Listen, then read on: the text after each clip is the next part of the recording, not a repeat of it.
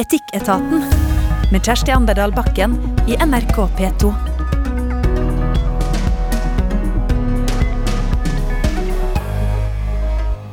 Mats liker folk, men ikke klemming. Han blir stressa når klemming er forventa. Hvordan kan han stå i å være en ikke-klemmer? Og kan en avbryte hytteturen med svigers om stemninga blir anstrengt? Til å diskutere dilemmaet vi har fått eh, tilsendt her i Etikketaten i dag, så har vi med en gjeng som er over snittet god på å ta valg, vil jeg si. Lene Westgård Halle jobba med å ta avgjørelser på Stortinget hver der du representerer Høyre. Medium Lilly Bendris får inn eh, flere signaler enn de fleste når du skal velge retning. Og Jan Ole Hesselberg, du er psykolog og har til og med gitt ut eh, bok om beslutninger. Og siden det skal handle om klemming her i dag, da, så er litt nysgjerrig på hvordan det står til med intimgrensene deres.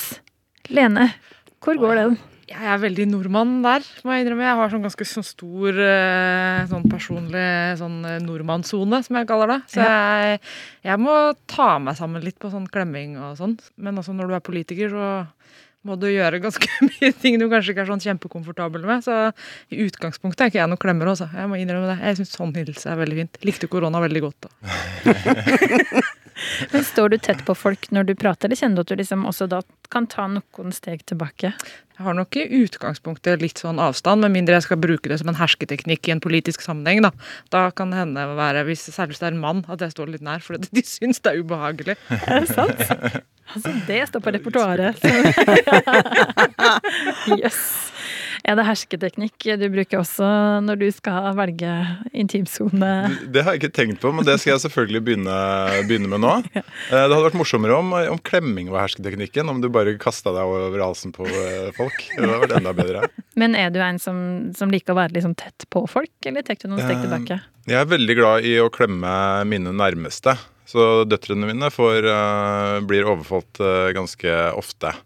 Uh, men jeg har fått høre at jeg fremstår som litt sånn kroppslig distansert. har jeg også fått høre. Så kanskje, kanskje en mellomting. Ja. Mm. Lilly, hvordan er det med det? Jeg vokste jo opp i en familie hvor ingen klemte hverandre. Og når jeg da ble gift med en fra Afrika, så var det jo klemming opp og ned i mente, og kyss på fire, fire ganger. To.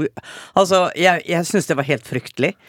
Men så vente jeg meg til det, og så ble det så jeg reist veldig mye i Europa hvor det er veldig vanlig, dette med kyss på kinnet.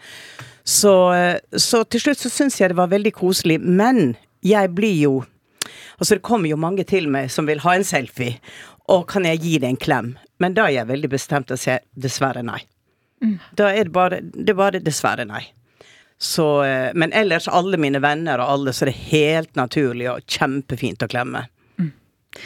Da veit vi litt hvor de kan stå sånn i, i, i klemmeverden. Eh, vi skal inn i det dilemmaet snart. Men eh, nå veit vi jo liksom hvor nært vi kan komme på utsida av dere. Eh, nå vil vi gjerne få komme inn og vite hvor råda i dag eh, kommer fra. Og Lilly, vi kjenner det jo fra Åndenes makt, ja. og veit at du tror at det fins mer mellom himmel og jord enn det vi kan se. Men er ditt syn på livet Har den Gud øverst?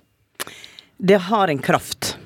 Det har Jeg kaller det ikke Gud. Jeg kaller det en skapende kraft som går gjennom alt det kreerte. Eh, og den krafta er bygget opp gjennom kjærlighet. Det er det jeg må tro på, for det er så mye håpløshet at hvis jeg ikke har den forankringa, så blir ting veldig meningsløst. Så eh, du kan kalle det hva du vil, og jeg tror at mennesket søker et eller annet fra skapelsen. Dette miraklet at vi er her, hvem er vi? Så til alle tider så har jo selv eh, helt primitive mennesker så har de søkt en gud, de har søkt noe. Men det tror jeg også ligger i at veldig mange har hatt opplevelser hvor de har toucha et eller annet som er utenfor. Så her, her er et syn. Vi har et øye som ligger tett utenfor våre vanlige sanser. Og jeg tror det blir mer og mer normalt det er å fange inn. Men det kan også være veldig forvirrende hvis du fanger en for mye. Mm. For hva er hva? Hvordan er du der, eh, Jan Ole? Føler du at du liksom er med på tanken om at det er mer mellom himmel og jord? Um, jeg eh, tenker at det absolutt er veldig mye vi ikke kan eh, forklare, men at uforklart uh, ikke er det samme som uforklarlig. Um, og at uh, det finnes mange gode forklaringer, har man mange gode eksempler på ting man uh, trodde var umulig å forklare, som har blitt forklart. Så jeg havner nok i, i den leiren som ikke tror. Og som også tror at man bør bygge moral og etikk på andre ting enn en, en sånne forestillinger. Da. Jeg vil jo beskrive meg som en såkalt konsekvensetiker, eller utilitarist. Eh, altså at det er eh, konsekvensene av handlingene våre og den samlede nytten av, av de som bør styre eh, hvordan vi tenker om, om, moral og etikk. Da. Så mm, jeg tror man kan leve gode liv uten, uten det. Mm. Mens du, Lene, hvordan, hvordan er din tro? Eh, jeg vil si den er sammensatt. sånn Hvis jeg skal bare oppsummere det veldig kort, så er jeg jo katolikk eh, og aktiv kristen. Men eh, jeg tror nok verdisynet mitt og litt sånn moral og etikk handler om mye mer enn det. da. Så for meg så er nok religion og den troen sånn, Det er sånn eh, mitt personlige forhold mellom Gud og meg. Det har ikke så, jeg, jeg blander ikke det så mye inn i verken politikk eller hverdagen min, eller snakker aldri med venner eller familie eller noe om det, egentlig. Det er liksom min greie.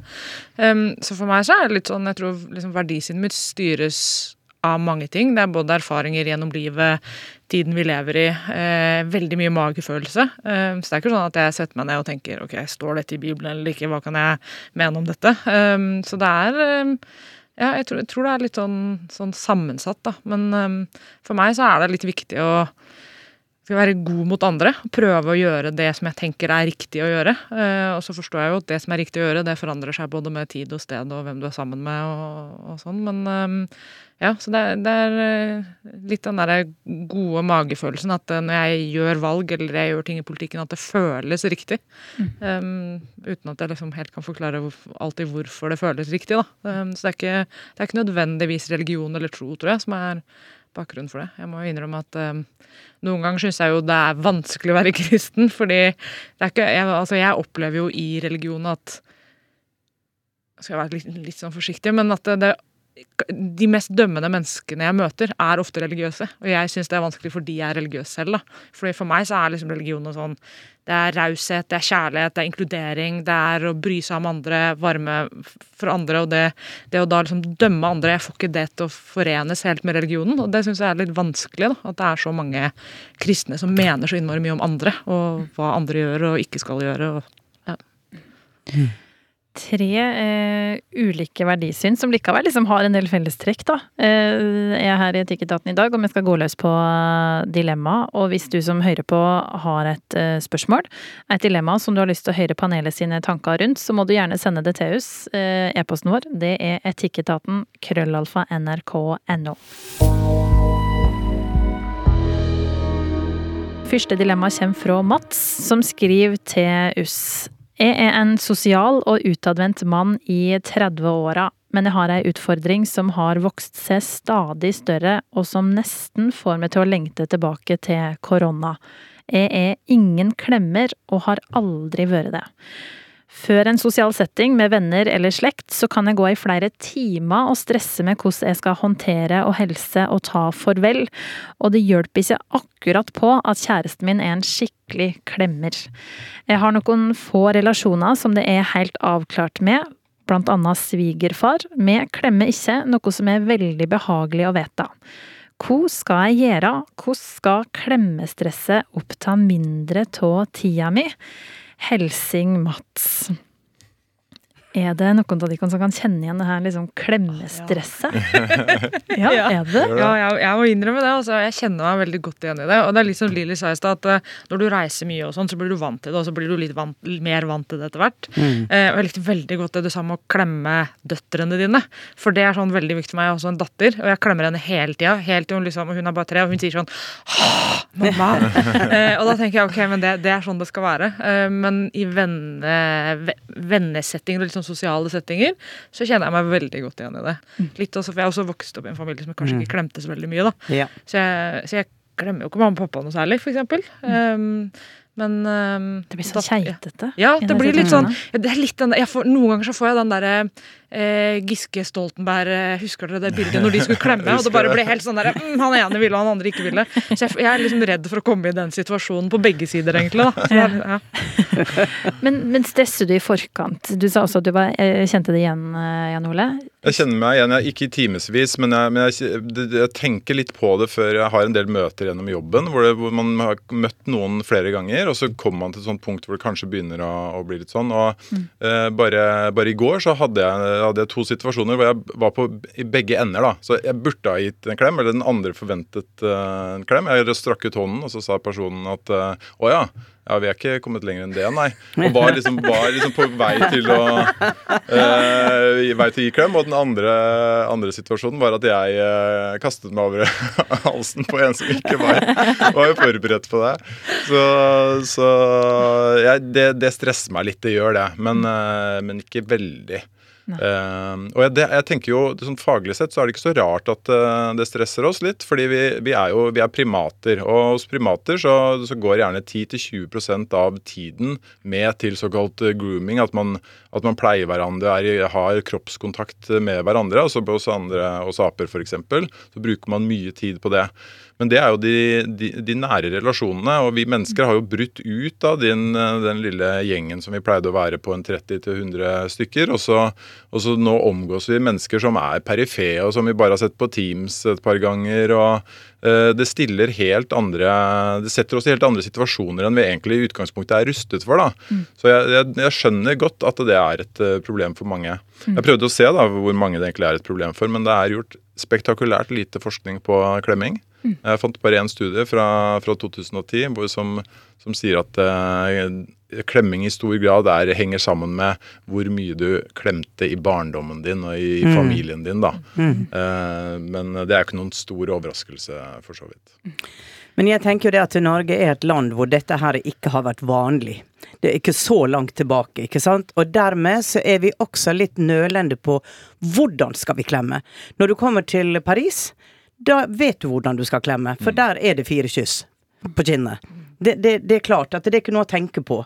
Mens her skal jeg, skal jeg holde rundt, skal jeg kysse på kinnet, skal jeg, hvordan skal jeg klemme? Så jeg, jeg foreslår gjennom Etikketaten her at eh, Jan Ole tar på seg ansvaret med å lage kurs for hvordan folk skal klemme, og lage en sånn nasjonal bølge hvor folk blir oppdratt til å gjøre dette, for du uforstandig vet ikke, og det skaper for meg usikkerhet. Så Det er veldig morsomt at du sier akkurat det med kurset, for det fant jeg også. At det var noen som faktisk har kurs i USA på det, og de kunne si at de hadde 76 forskjellige sånne klemmeposisjoner som de kunne lære folk opp i. da. Det er veldig tror, mange. Hvis, ja, det er litt for mange, vil jeg si, da. I mitt kurs er det bare tre. Ja. Ja, tre. Men det er litt morsomt at du sier, for i USA, jeg har bodd litt i USA, og der klemmer de veldig rart. Fordi hvis du er mann, og du klemmer en annen mann, så klemmer du liksom bare med skulderen. Du skal ikke ha kinnet inntil. Ja. Du skal liksom kroppsklemme. Ja. Og, hvis du, og der er det sånn at du klemmer jo nærmere, eller jo nærmere du er personen, jo nærmere klemmer du med kinnet. Så med mindre du liksom kjenner personen, så skal du ikke ha kinnet inntil den andre. Du skal bare klemme liksom Ja. kroppen inntil hverandre. Og kanskje noe sånn dunk på ryggen. ja, ja. Veldig rar måte å klemme på. Hvor som føles nesten sånn at du klemmer, men du får liksom sånn avstand når du klemmer. Veldig rart. Så de trenger et kurs altså i USA. lær. Ja, ja. Lær. Men hva tenker du, altså det virker som det stikker ganske djupt i Mats da han går og tenker på det her og gruer seg eh, lang tid i forveggen. Det ødelegger sosiale settinga. Eh, hvordan kan Nå ser jeg på psykologen. Ja. Hvordan kan han liksom jobbe med det stresset her? Fordi det høres jo veldig vondt ut for han.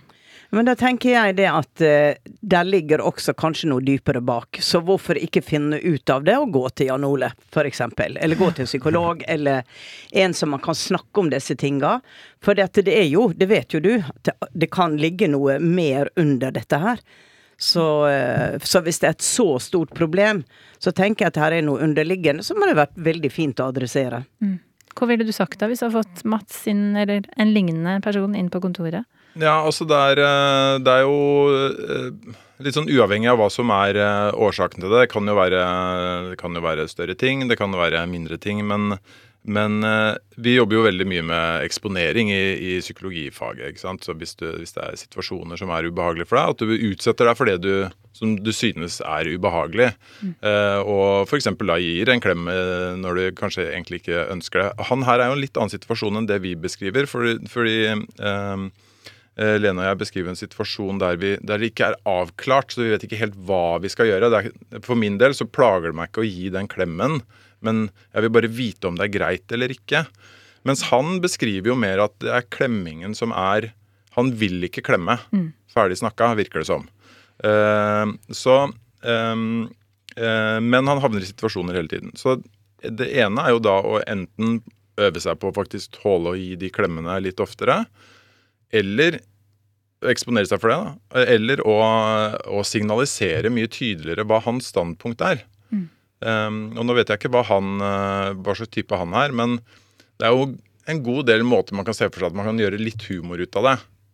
At kona hans er en massiv klemmer, og at han gjør et nummer ut av at 'men det er ikke jeg'. Ikke men hvis du strekker fram hånda di, så kan jeg klemme den med min hånd. Ja. Uh, ja, ja. Og gjøre en greie ut av det. Fordi de fleste menneskene det blir aktuelt med, møter han flere ganger. Så det vil ikke ta veldig lang tid før han har etablert mm. sin rolle i det. Mm. Uh, og det har jeg personlig hatt hell med med noen av mine liksom, mer perifere venner. At vi bare Vi klemmer ikke. Ja.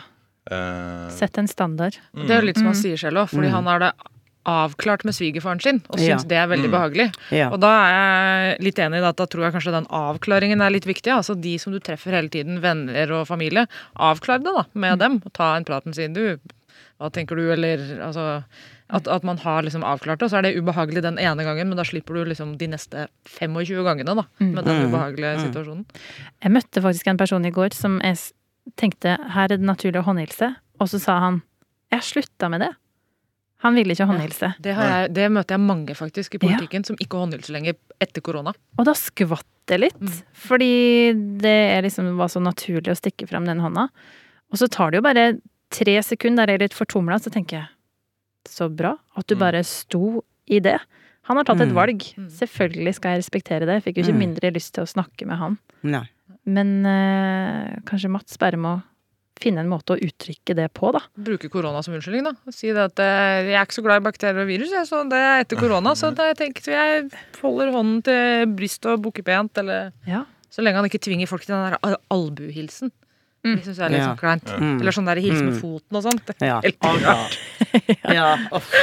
Men det er jo, det, er jo det, det å, være en klemmer, det å ikke være en klemmer, det er jo begreper vi bruker om, uh, om mennesker. Så det er, ikke noe, det er ikke noe unaturlig å si jeg er ikke, jeg er ikke en klemmer. Mm. Uh, og, og, være tydelig på det. Men det, ikke, det, som ikke kommer til å skje, er jo at dette løser seg av seg selv for han. Mm. Han kan ikke gå og fortsette sånn og bare håpe at verden forandrer seg, sånn at folk uh, folk bare plukker det opp av seg selv. Så på en eller annen måte så må man enten sånn, engasjere seg litt mer i å faktisk prøve å klemme mennesker når det er behov for det, eller være tydeligere på, på hva han mener. Andre klarer ikke å komme til å lese det av eh, sånn umiddelbart av han. Mm. Men hvorfor holdt vi på med klemming? Det er veldig rart. Hvis det liksom kommer folk fra en annen planet, og så sier vi sånn Nei, men du tar kinnet ditt mot mitt kinn, og det betyr at vi bryr oss om hverandre, eller kjenner hverandre til en viss grad. I hvert fall her til lands. Det er jo veldig mange forskjellige måter å hilse på. da. Altså, jeg har bodd i New Zealand, eh, og der har du jo maoriene som det er riktignok, da har du kjent hverandre en stund, men som hilser med å dytte nesa mot hverandre. Ja, ja. Og det er en sånn kjemperespekt, fordi tanken bak det er at når du gjør det, så puster du. Og da puster du litt av ditt liv inn i den andre personen. Så det er en sånn veldig sånn respektfull måte å hilse på. Og det også føles jo kjempeunaturlig. Jeg kunne jo ikke gjort mm. det med noen av dere når vi møttes i stad. Alle hadde syntes det hadde vært veldig rart. Så jeg, jeg tror det er liksom, hvis du ser alle måter å hilse på i verden hvis du kommer fra ja, sannsynligvis lenger bort enn Mars, men så ville du synes det hadde vært rart, da, uansett hva det var. Mm. Akkurat som, ja. Men fellesnevneren her er jo den kroppslige kontakten. ikke sant? Og jeg vil mm. kanskje si at det egentlig er det kanskje mennesket som er litt unormalt, sammenlignet med andre, andre primater. Og for de bruker mye mer tid på uh, å ha, ha kroppskontakt. Mm. Vi skiller oss litt ut ved at vi bare begrenser det uh, til den der, uh, å dytte kinnene mot hverandre eller slå hverandre på ryggen eller nese, nese mot nese. Så, så kanskje er det vi som er litt uh, Skal vi begynne, begynne å pelle lus på hverandre? Ja, Grooming, ikke sant? som du Ja, ser, ja, som apen gjør. Tror kanskje folk hadde reagert på det òg. Jeg Jeg hadde stressa i noen timer hvis det liksom var greia. Det. Ja, det også. Men det er jo som eh, Det er jo sånn at du, du ofte møter noen, så står man der litt sånn. Og så har jeg opplevd flere ganger at uh, Klemmer vi, eller klemmer vi ikke? Og så sier jeg ja, ja, selvfølgelig klemmer vi. Eh, For da, da tester man litt ut hverandre, og man er litt usikker, og så, så gjør man det opp der og da. Men, men jeg, jeg tror nok det at eh, at de unge, jeg ser de, den yngre generasjonen, de er mye mer naturlige med det å klemme hverandre. Eh, barnebarna mine, eh, lille på, på ni år, kom jo løpende og klemmer med det helt automatisk. Og, eh, og barnebarna mine på 20, eh, 21-22, de klemmer alltid og sier 'jeg elsker deg'. Og jeg blir litt sånn wow. Wow, liksom. så, jeg blir helt forfjamsa. Fordi at det er Det var så fjernt fra det vi brukte hjemme. Um, så jeg tenker de er blitt så mye flinkere. Men det er egentlig litt interessant det du sier det der, men jeg elsker deg. fordi da, Det vil jeg tro er likt for alle oss tre. Da vi vokste opp, så var det når du brøda om noen ordentlig, så sa du 'jeg er glad i deg'. Ja. Men jeg tror kanskje det er engelsken som har kommet inn og brutt Ja. inn der. Så nå sier alle sånn 'jeg elsker deg' til meg. For meg, når det ble nytt, så var jeg sånn Det sier jeg til mannen min, det sier jeg ikke liksom til noen andre. Men jeg Ja. merker jo nå Altså datteren min sier jo det til meg helt naturlig, og da Ja. smitter det over. Så jeg har liksom begynt å si det òg. Så det sånn Ja. ja. Det er litt sånn love you. generasjonsgreie. ja. Men samtidig blir jo dette 'I love you' vanna ut, da, for du sier det til alle. Sånn som amerikanerne. 'I love you, I love you'. Så hva blir meninga bak det? Det? Kan man da finne opp et sterkere ord som man vil si til sine elskede? For 'love you' blir Det blir på en måte ikke den dype betydninga. Må vise det, da. Må vise det, ja. Ja ja, glimrende. Glimrende. Så hvis forskninga som du hadde lest, da, Jan Ole stemmer, så får vi en massiv sånn klemmebølge etter kort. Hvis alle vokser opp med liksom klemming, klemming, klemming. Mm. Det ligger an til at det eskalerer eh, ganske kraftig, ja. Mm. Så da, desto tøffere for Mats å bare gå inn for at jeg er en ikke-klemmer. Og så er jeg helt sikker på at folk kommer til å respektere det, hvis du bare Ja. viser det tydelig. Ja. Nå så skal det tre som har invitert inn i Etikketaten i dag, få en eh, ny type utfordring. Vi skal bore litt mer i hvem eh, det er som sitter her og bistår folk som står i eh, dilemma. Lilly Bendriss, Jan Ole Hesselberg og Lene Westgård Halle er det som sitter rundt eh, Etikketatens bord i dag. Eh, jeg har henta fram titlene som dere sjøl har skrevet på nettet. Eh, Lilly livsveileder. En fin tittel. Eh, Jan Ole, psykologspesialist som er glad i vitenskap. Det har han vel kanskje avslørt allerede, muligens. Eh, og Lene, dansk-norsk klimahippie. ja. ja. Ja, det er god, god, god gjeng vi har her med, med ymse titler. Eh, og her så er gralen vår som skal sendes rundt. Dere skal få trekke et spørsmål her, som skal liksom grave litt i det innerste i dere. Spennende, spennende. Skal vi se Hva kan få deg til å miste hodet? Åh, det Jeg har litt temperament, så det, det skjer eh, fra tid til annen. Jeg må innrømme at jeg har blitt flinkere til å kontrollere det sånn med alderen. Men um, det er egentlig ganske mye, for jeg, jeg er veldig engasjert sånn naturlig. Jeg mener mye og masse. Um, hens jobben jeg er i, holdt jeg på å si, så jeg er kanskje i riktig jobb. Men um, det er øh, Hvis jeg blir sinna, så kan jeg miste hodet. Um, og det er sånne Det tar ofte veldig lang tid da nå. Det var verre da jeg var yngre, men sånn hvis um, Utlevere mannen min litt her, da. Men hvis uh, mannen min over lengre tid ikke har ryddet så veldig mye, for eksempel. Eh, han er veldig flink til å lage mat. Han lager mat hver dag, er fantastisk pappa, men han, har, han mangler det ryddegenet. Jeg vet ikke helt hva det er, men han, bare, han, han ser ikke rot. Sånn, jeg kan liksom si Kan du rydde det bordet til jeg kommer hjem? Et eller annet. Og så sier han ja, ja, det er ryddet. Og så ligger det liksom fem-seks ting i en haug, og så har han bare skjøvet det liksom ned i et hjørne. Og det er sånn, og det er liksom greit én gang, men når det skjer mange mange, mange dager på rad, da kan det være sånn at jeg plutselig bare Nå! Og så må jeg bare gå. eh, For da blir jeg så sinna at jeg har lyst til å bare kaste liksom alt i veggen. For jeg er lei av liksom alt. Og da tenker jeg sånn Greit, da skal vi ikke rydde. Da skal vi kaste alt da. Kaste alt i søpla istedenfor. Så jeg kan, sånne ting kan få meg til å liksom eh, det. Um, Men du går ut av rommet før liksom huet har falt helt av. Ja, jeg Ja. gjorde ikke det da jeg var yngre. Jeg har hatt da jeg var tenåring, så jeg ser tilbake på det, så jeg syns jo mamma og pappa var helt håpløse. Men eh, når jeg ser tilbake på det nå, så er jeg nesten litt imponert over at de holdt ut. Fordi jeg var, ganske, jeg var mye sinna, kasta ting i veggen og veldig, veldig rebell. Um, hadde lite godt i oppførsel og var frekk med lærerne, og det var veldig mye som gikk var ganske Jeg hadde liksom ikke kontroll på det, så jeg, så jeg mista nok hodet ganske mange ganger da jeg var yngre. Nå er det mye mer sjelden, da. Hvordan er det med det, Lilly? Når mister du huet? Eh, Jeg er jo veldig eh, fjern ofte. Altså ikke helt eh, på, på jorda. Og da gjør jeg ting som ender opp i totalt kaos. Og da, da kjenner jeg det at ok, da må jeg sette meg ned. sånn som når jeg skulle reise fra Spania. Så var det noe styr, men det var så mye nytt. Jeg kjøpte meg ny leilighet, og det var nøkler, og det var varmtvann som ikke fungerte, og, og taket fungerte ikke. Og da bare kjente jeg det at eh, jeg mista på en måte meg selv, for dette ble for mange ting. Jeg forstår ikke språket, dette klarer jeg ikke. Så det det endte opp da, var jo det at det blir kaos med nøkler. To kvelder, vi fant ikke den nøkkelen, vi fant ikke den nøkkelen. Jeg hadde nøklene til min datters leilighet som skulle komme hjem. Og det interessante er jo da, det er jo min verden som jeg lever i, at eh, hvorfor er det alt dette tullet med nøklene? Selv om vi skulle ut av døra, etter, etter fire ganger vi hadde mista nøklene, så var nøkkelen borte, og vi hadde den i handa. Og vi løp rundt i leiligheten, så vi må jo finne nøkkelen, vi må finne nøkkelen. Så lå den bak en pyntegjenstand, jeg hadde liksom blitt dytta. Og vi reiser hjem, og jeg sitter på flyet. Og så tenker jeg Nøklene Nøklene til leiligheten min i Norge! Jeg har glemt dem! så de ligger igjen i Spania. Så når jeg kom hjem, så var det å ringe Securitas og bli innlåst i leiligheten og masse styr. Men da mista jeg hodet etter alt det stresset. Beskjeden jeg fikk, var Har du huska alle nøklene? Du må huske. For da er det jeg tenker det åndelige perspektiv. Noen prøver å fortelle meg om det er meg selv fra et høyere plan enn en guide eller hva søren. De prøver å fortelle meg lille, du kommer til å glemme nøklene dine. Altså, sett deg ned, tenk. Men istedenfor blir jeg veldig Jeg mister hodet. Uh, så oh god. Ja, mm. Høres ut som du har sånn kodelås på døra Ja, ja nå, nå ringte jeg ned og sa du kan få én nøkkel til alt. For andre å få en nøkkel til alt. Ja. Eller en chip.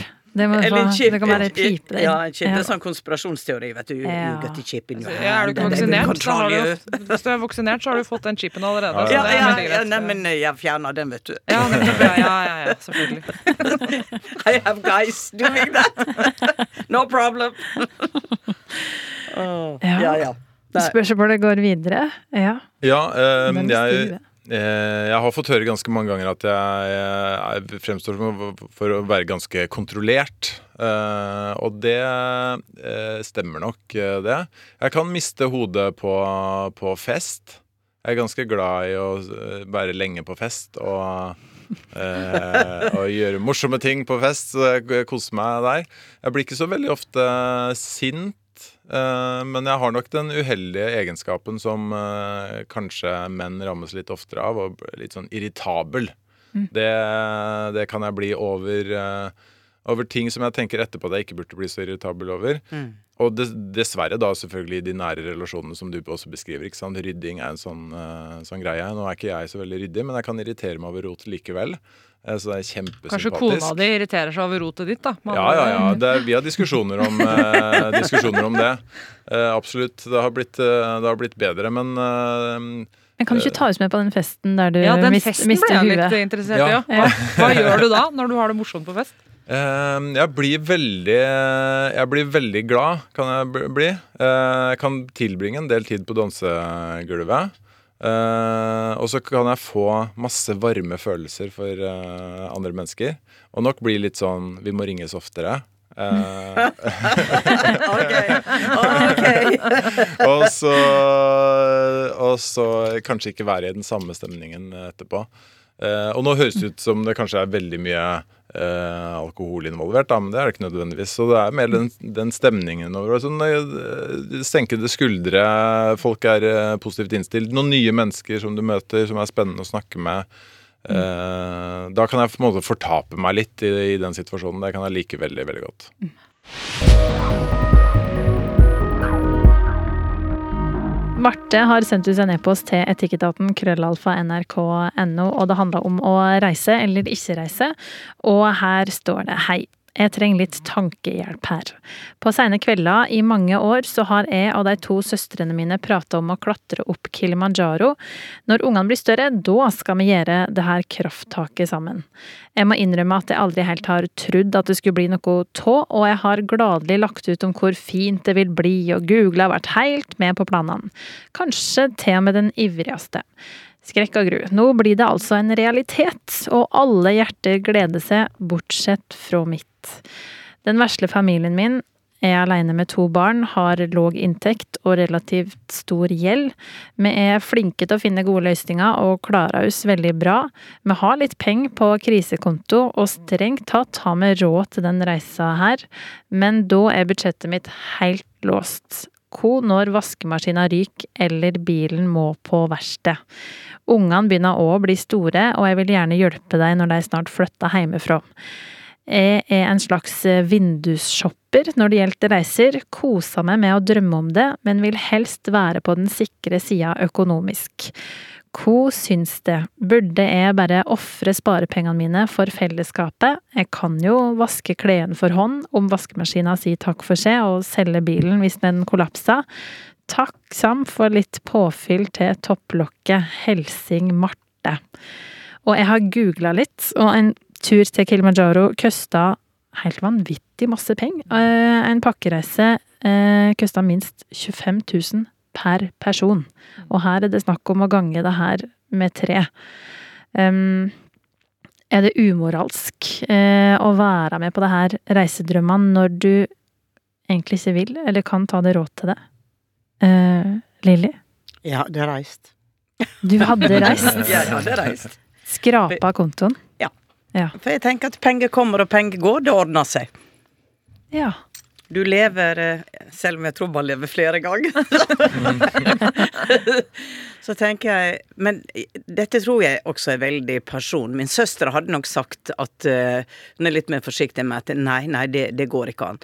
Men jeg hadde tenkt at uh, dette er en opplevelse i livet som vil bety så mye. Alt det andre praktiske, det ordner seg. Eh, om jeg må spise brødskive og tomat i noen måneder. Eh, det ordner seg. Det, det, det, så jeg er nok ufornuftig og hadde sagt at du vil kanskje få en opplevelse i livet. Du vil sitte på gamlehjem og tenke på at 'tenk at jeg gjorde det der'. Mm. Mm. Så det er noe med å tørre å gå ut ifra boksa og det sikre. Uh, for jeg tror at denne dama allikevel har nok til å klare seg. Er du enig, Lene? Ville du tatt sjansen? Jeg tenker at Marte bør sette seg ned og kjenne litt ordentlig etter på magefølelsen. For jeg klarer ikke helt å tolke om hun egentlig vil eller ikke. Mm. Um, så, så, for meg så hadde det vært liksom Hvis hun setter seg ned alene og kjenner etter, altså vil du egentlig dra på den turen? Hvis du alt annet til side. Uh, for hvis du innerst inne egentlig vil, så er det en annen skål enn om du innerst inne egentlig ikke vil. Mm. Eh, hvis du innerst inne egentlig ikke vil, så skal du la være. Eh, du skal ikke la deg presse av at du har sittet og snakket om dette i mange år. og sånn. Altså Hvis det er søstrene dine og du ikke har så god råd, så forstår de det. Tror jeg. Eh, men hvis du innerst inne egentlig vil, og kjenner på dårlig samvittighet overfor barna dine eller den økonomiske situasjonen, eller å prioritere deg selv, Um, så tenker jeg jo at det er noen grep hun kan ta, da. Fordi hun sier at hun liker å drømme seg bort og drømme om reisen, og det kjenner jeg meg veldig godt igjen i. Jeg liker det også det er veldig godt.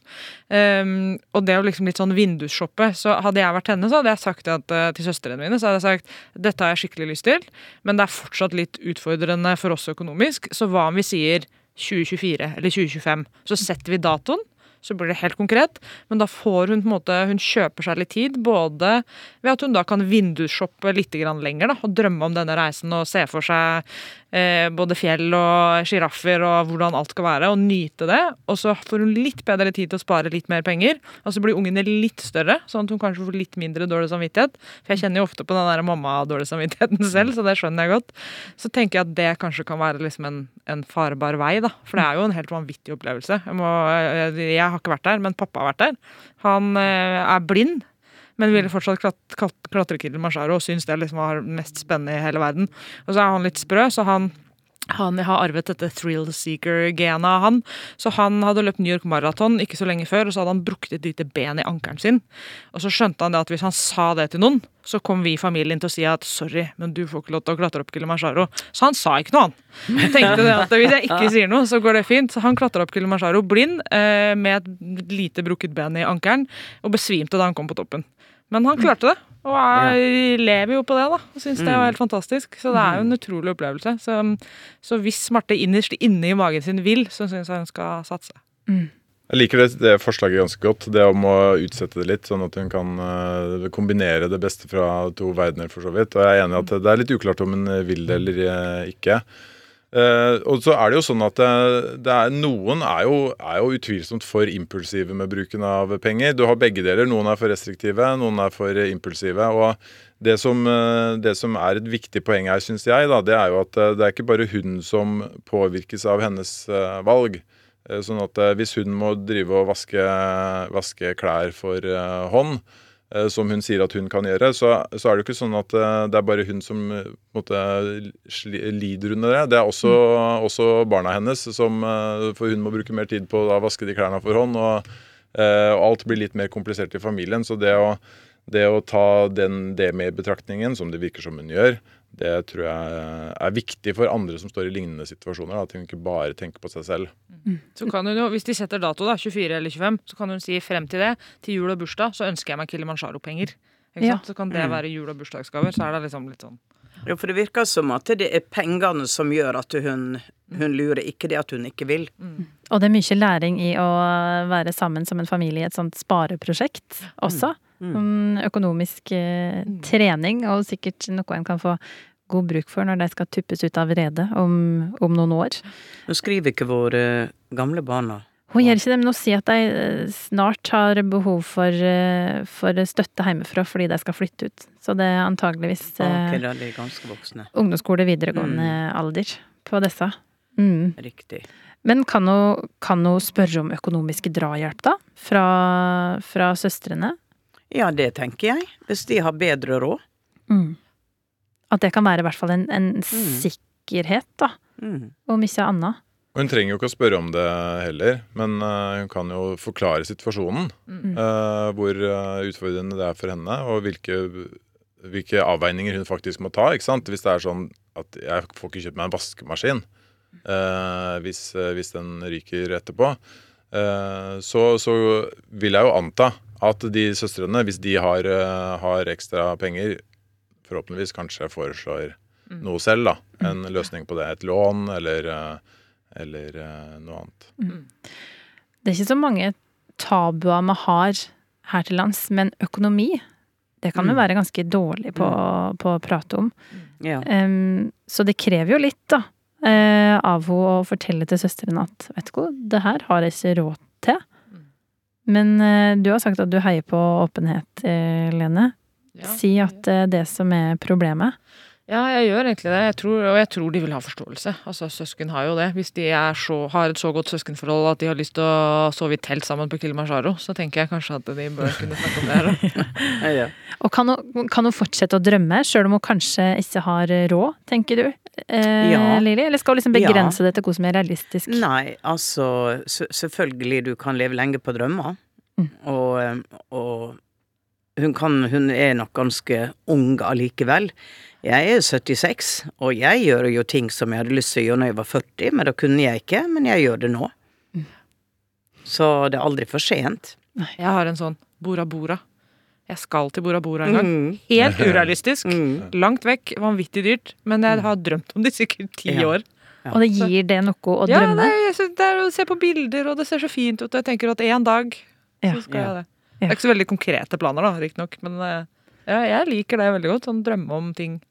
Halvparten av reisen for meg er liksom den drømmedelen og planleggingsdelen. Og jeg synes det er Særlig litt sånn lange reiser, da. Kanskje kan det da være fint å tenke det her skal skje om noen år. Så Ja. kan det gi liksom påfyll i Ja. denne ventetida også, da. Mm.